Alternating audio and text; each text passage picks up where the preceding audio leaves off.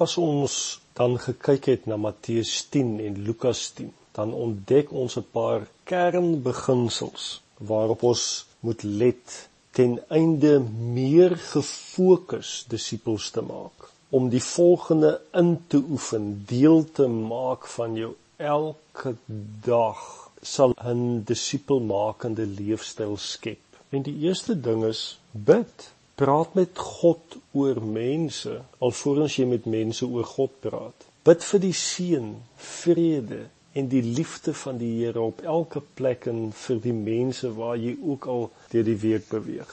Wees sensitief tot die Heilige Gees en vra hom en laat hom toe om 5 mense of meer in jou lewe te identifiseer. Dalk in jou werkplek iemand, persoon in jou woonbuurt, vriende, mense nood, maak nie saakie vir wie jy op 'n daaglikse basis voorbidding kan doen. En doen dit. Vra die Here vir sy seën, sy vrede en sy liefde om te rus op 'n plek, 'n organisasie waar jy werk of die plekke wat jy deur die dag of week besoek, soos die winkels of die gimnasium. Bid As jy in 'n plek ingaan vir die bestuur, die werknemers, die kliënte, medestudente, mense wat saam met jou aan sport deelneem, familie of jy is by 'n braai vir die mense wat daar mag wees.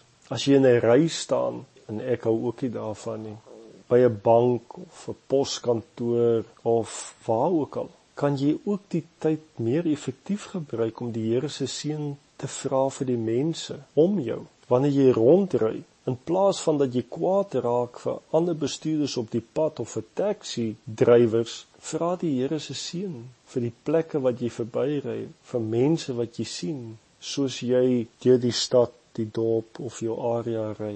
En gewoonlik is hierdie stil gebed dit beteken daar kan iemand anders te saam met jou in die kar sit jy kan die passasier wees. Hierdie gebed is met jou oë waawyd oop. En hierdie gebed is meestal 'n gebed wat jy op jou eie bid, maar dit is ook goed om dit saam met iemand wat saam met jou is of saam met passasiers in jou voertuig, veral as hulle kinders van die Here is te doen en te sê maar kom ons bid vir dit wat ons sien of vir daardie persoon of as jy dit doen is dit 'n baie aktiewe disipelmakende oomblik.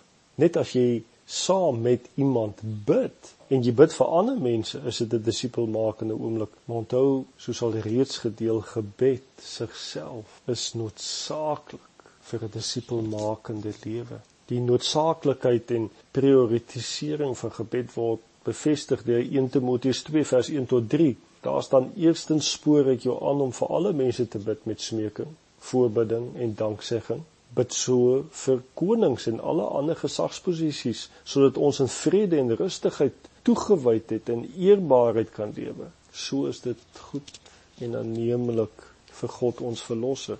Ons word ook opgeroep ja om te bid vir plekke, organisasies, stede. Kyk byvoorbeeld Jeremia 29 vers 7. Daar staan dra ook jul deel by vir vrede in Babel waarin ek julle in ballingskap laat gaan het. Bid tot die Here sodat dit goed sal gaan met die stad waarin jy bly. As dit met Babel goed gaan, sal dit ook met julle goed gaan.